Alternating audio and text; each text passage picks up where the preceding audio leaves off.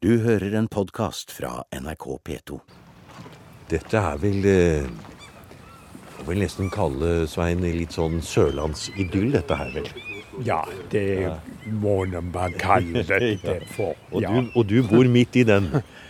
ja. Eh, ja det gjør jeg. Ja. Jeg er Norges sydligste fastboende. Nå har vi kommet helt syd på Skjernøy, der veien slutter.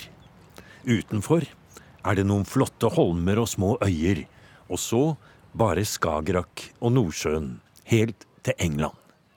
Det er lokalhistoriker og fastboende Svein Berge vi snakker med. Og han skal være vår guide rundt på øya. Og her, nå ser vi litt grann utover, nå har vi kommet litt opp i høyden her. Og så er det ikke så mye trær her.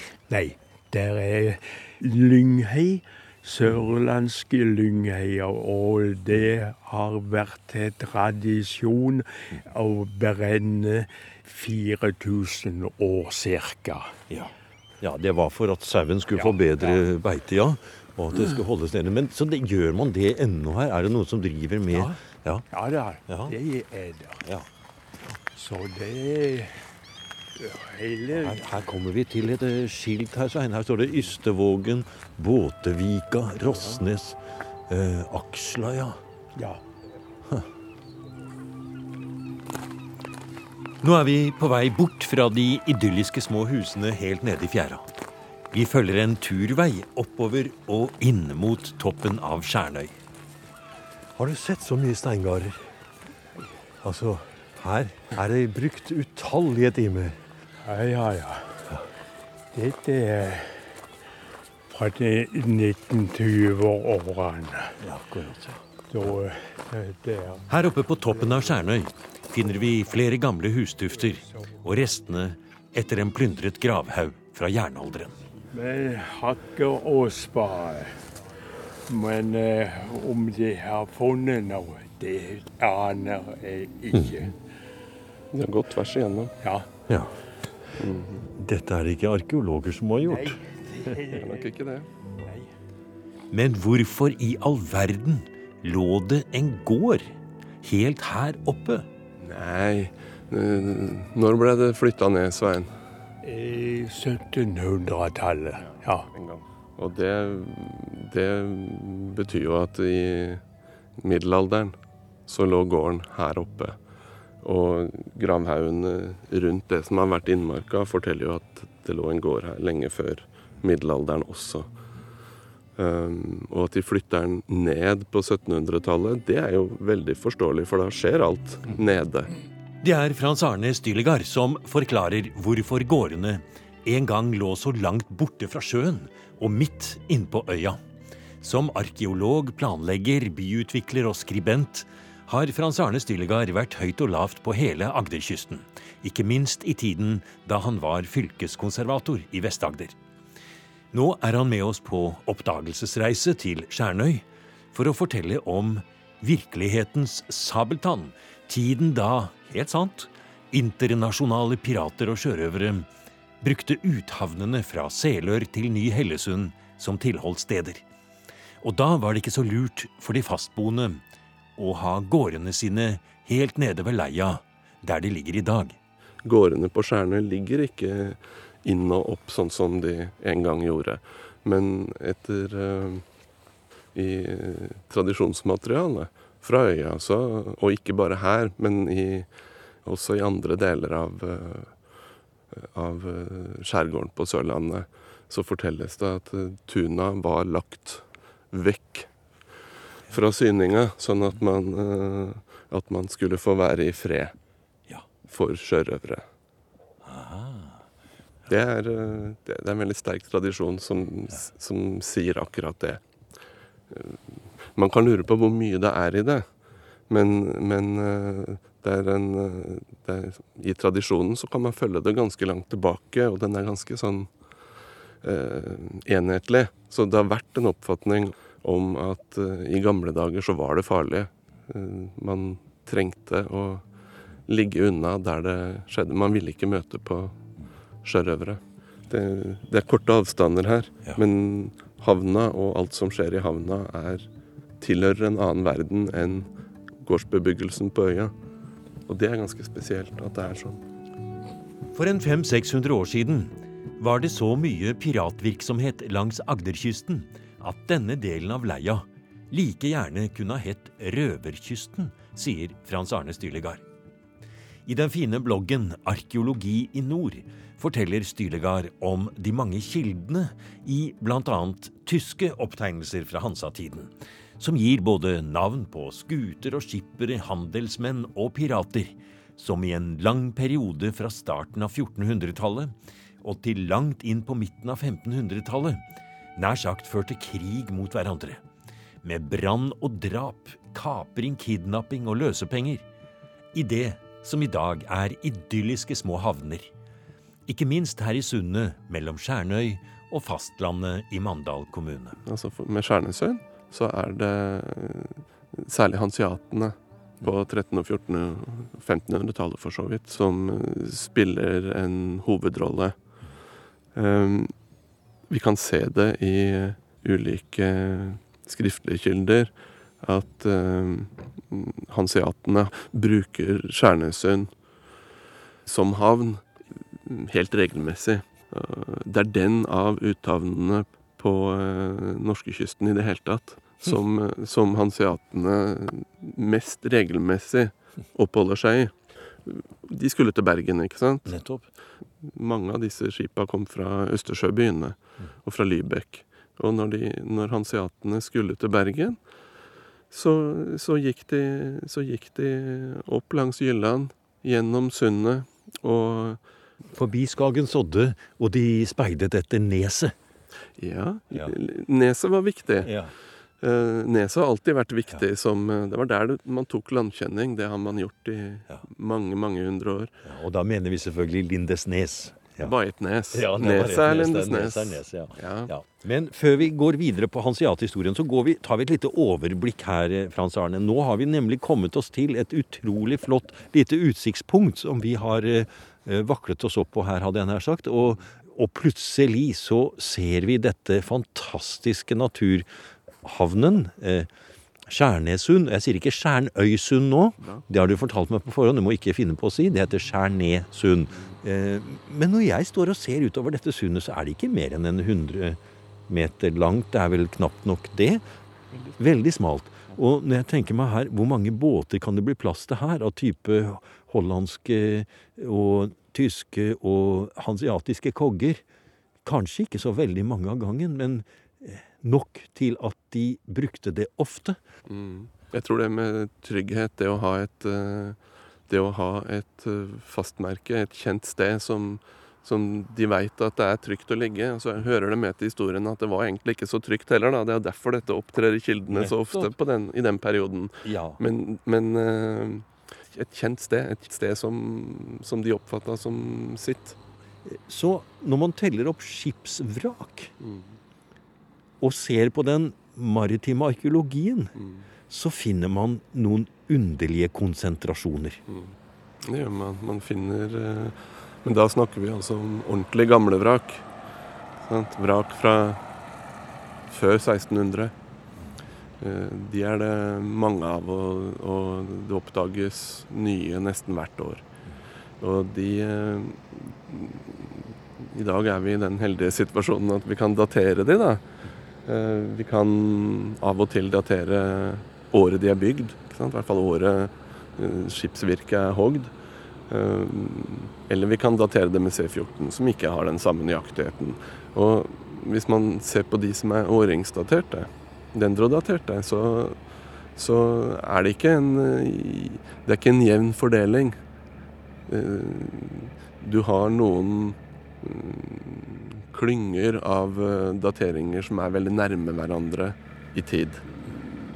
Eh, Det fins en eh, ganske tydelig konsentrasjon av daterte middelaldervrak rundt 1400. Seint 1300-tall, begynnelsen av 1400-tallet. Og det er en helt spesiell periode i, i europeisk handelshistorie. Og det fins en, eh, en eh, annen konsentrasjon i rundt uh, midt på 1400-tallet, 1450-åra, og det fins en i, i, tidlig på 1500-tallet. Og, og de, de, periodene med mange daterte vrak, de er også perioder hvor vi vet at det foregikk mye, mye krig og ufred i Nord-Europa. Også på denne kysten, da, som var påvirka av de ting som skjedde langt herfra ofte. Og det er liksom ikke, det er ikke en hvilken som helst Det er ikke bare det at det er krig i Europa. Det er perioder, særlig den rundt 1400, med ekstremt stor uh, pirataktivitet. Det er veldig fort gjort å tenke sjørøvere som uh, kaptein Sabeltann og kaptein Krok og alle disse elegante uh, sjørøverkapteinene. Og de fantes. Men det er først og fremst knytta til litt til Disney, og, men ikke bare det. Men til eh, Karibien. Lenge etter det vi nå snakker om.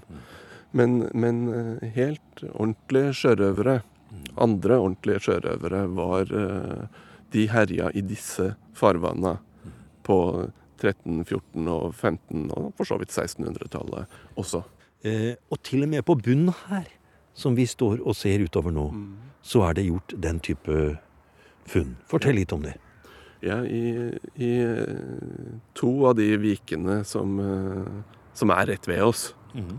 i forbindelse med, med den seinere uthavna, da, Stjernesund, så, så, ligger det, så ligger det tre middelaldervrak. Og ett av de er, er utgravd og årringsdatert. Og det, det, er bygd av eh, polsk tømmer fantes ikke noe Polen da, det, mm. men dagens Polen, det området. Uh, og det er bygd i, av tømmer som ble felt i, i Polen i 1389. Det ligger da inni en vik på grunt vann.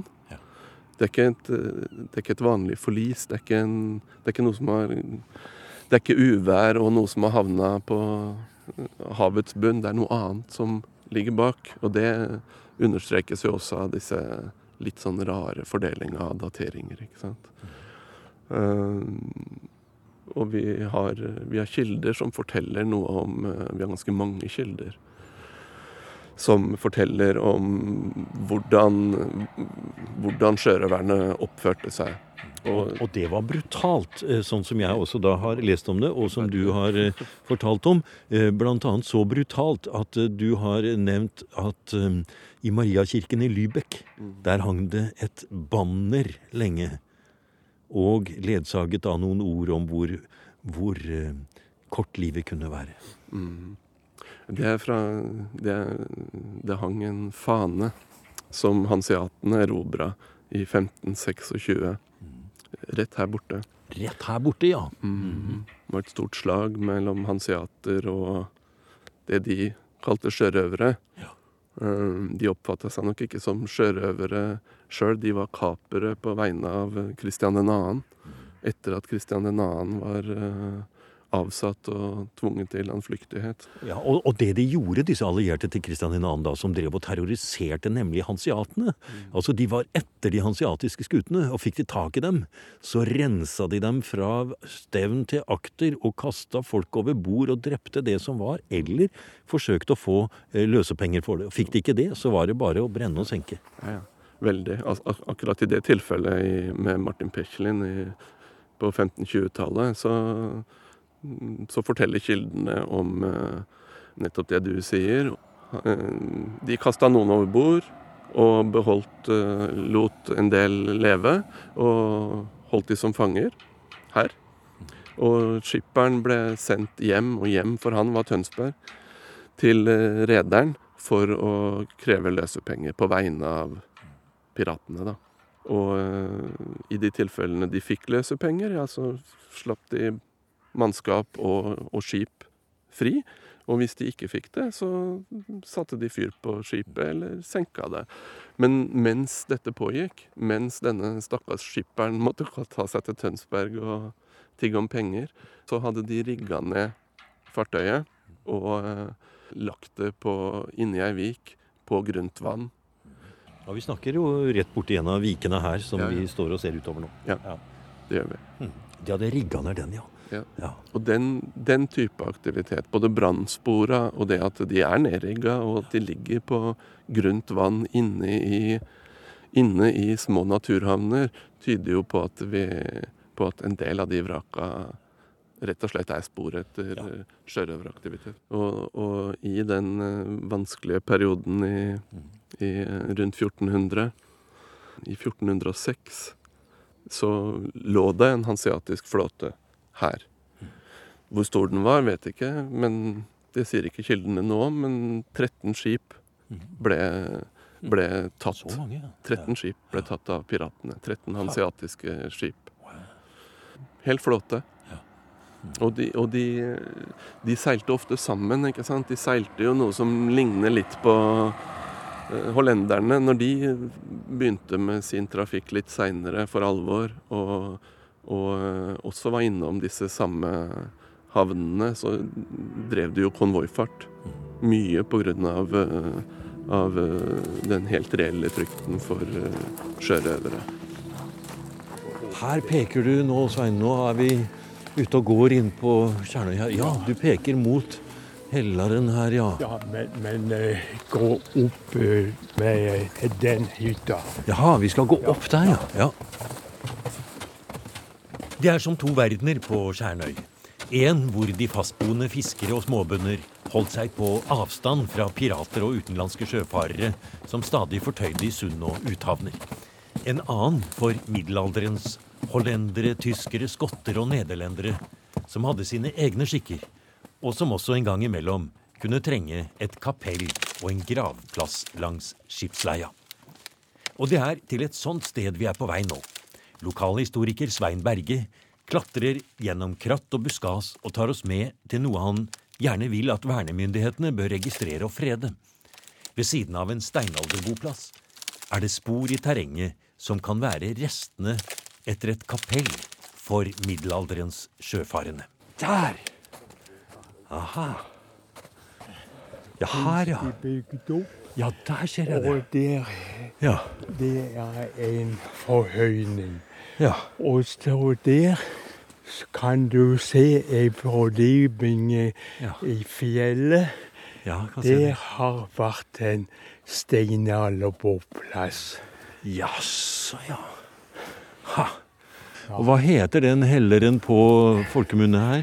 Eh, Kapittelheia. Kapittel? Ja, og det trolig en forvanskning av Kapellheia. Aha, ja, nettopp, ja. Og det steingjerdet der, eller steinemuren, den er bokstavelig talt steingammel. Ja, ja. Og det kan ha vært en gravplass eller Ja. en kirkegård inn forbi. ja nettopp. For um, det var viktig at ikke bufe fikk adgang til kirkegårdene. Hva er det du ser her, Frans Arne? Første gang jeg var her for mange år siden, så eh, sto det tett i tett med eh, gran her. Ja. Men det er jo et innhegna område i, på en 30 ganger 40 meter eller noe sånt. Uh, og i bakkant så er det, så er det et, uh, en bratt bergvegg med en heller under. Og, og dette, ser, uh, dette ser veldig likt ut. Egentlig helt likt som, ut som, som gravplasser fra, fra middelalderen ved, i andre uthavner. Um, og det er mange av disse, ikke sant. De, er, de fins langs hele sørlandskysten. De, de fins inn i Oslofjorden.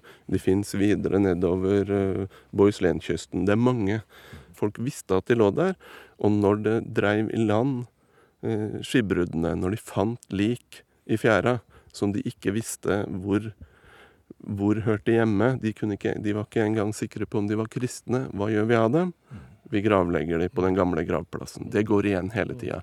Og når vi kommer langt nok fram i tid, da, på sånn første halvdel av 1800-tallet, så, så begynner kirkelige myndigheter og De vil ha kontroll på dette. De, vil, de har sognekirkene. Der skal alle døde begraves. Ikke ute i havna der. Og, og de blir i en del tilfeller eh, avvigsla og lagt ned. Og det fins da brev fra biskopen om at gravplass der og der skal ikke lenger benyttes. Og så, og så er det av og til så, så, så fins det eldre kilder, men ofte utenlandske, f.eks. hansiatiske, som, eller hollandske, som, som uh, nevner uh, først og fremst kapella, som ofte var bygd i tilknytning til, til gravplassene. Vi nærmer oss slutten på vår ekspedisjon til pirathavnen i Kjernesund litt sydøst for Mandal. Når vi kommer ned til det smale sundet fra nord, ser vi hvordan bebyggelsen utover på 1600-tallet og 1700-tallet flyttet ned til sjøen igjen, og danner en fin liten rekke av små, hvite sørlandshus, med et okermalt hus på den ene siden.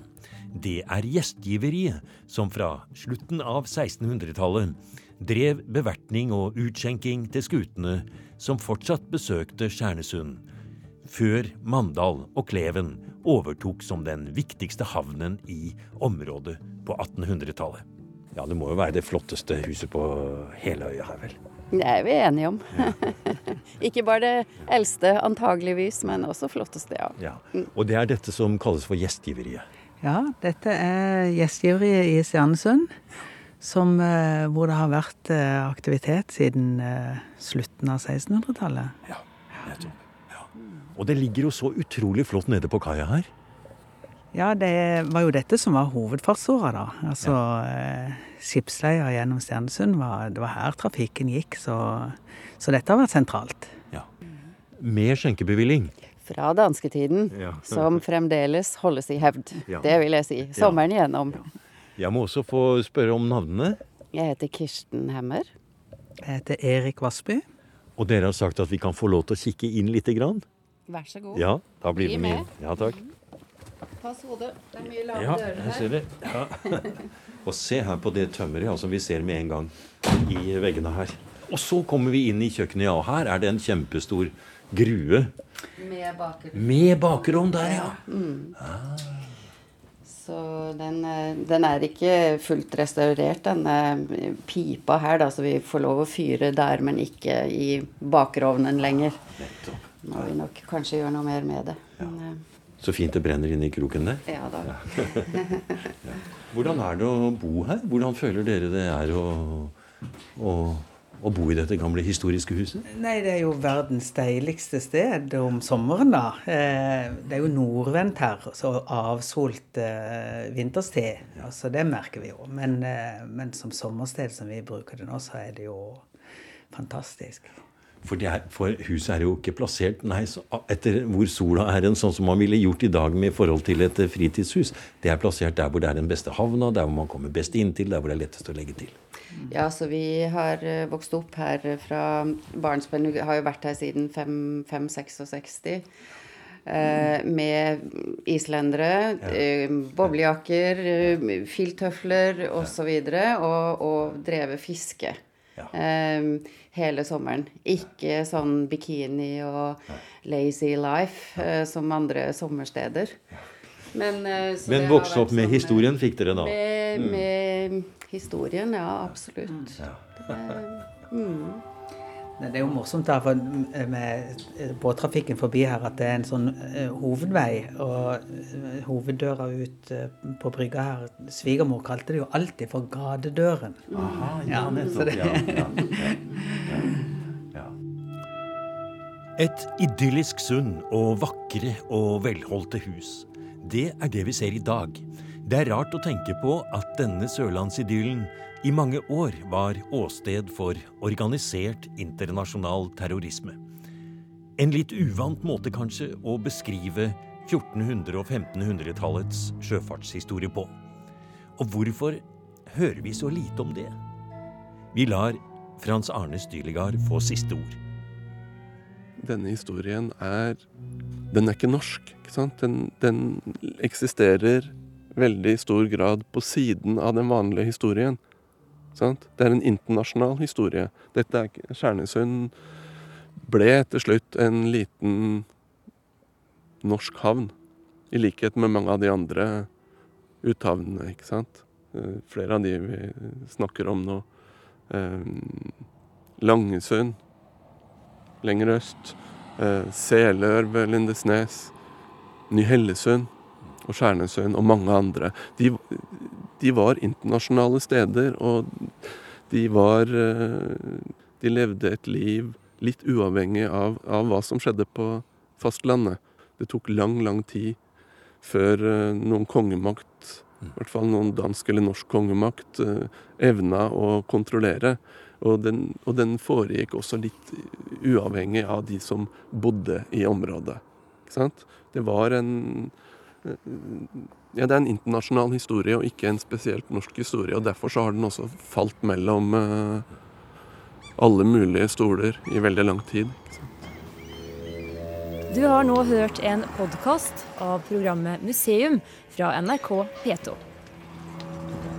Og send gjerne en e-post til museum.krøllalfa.nrk.no. nrk.no.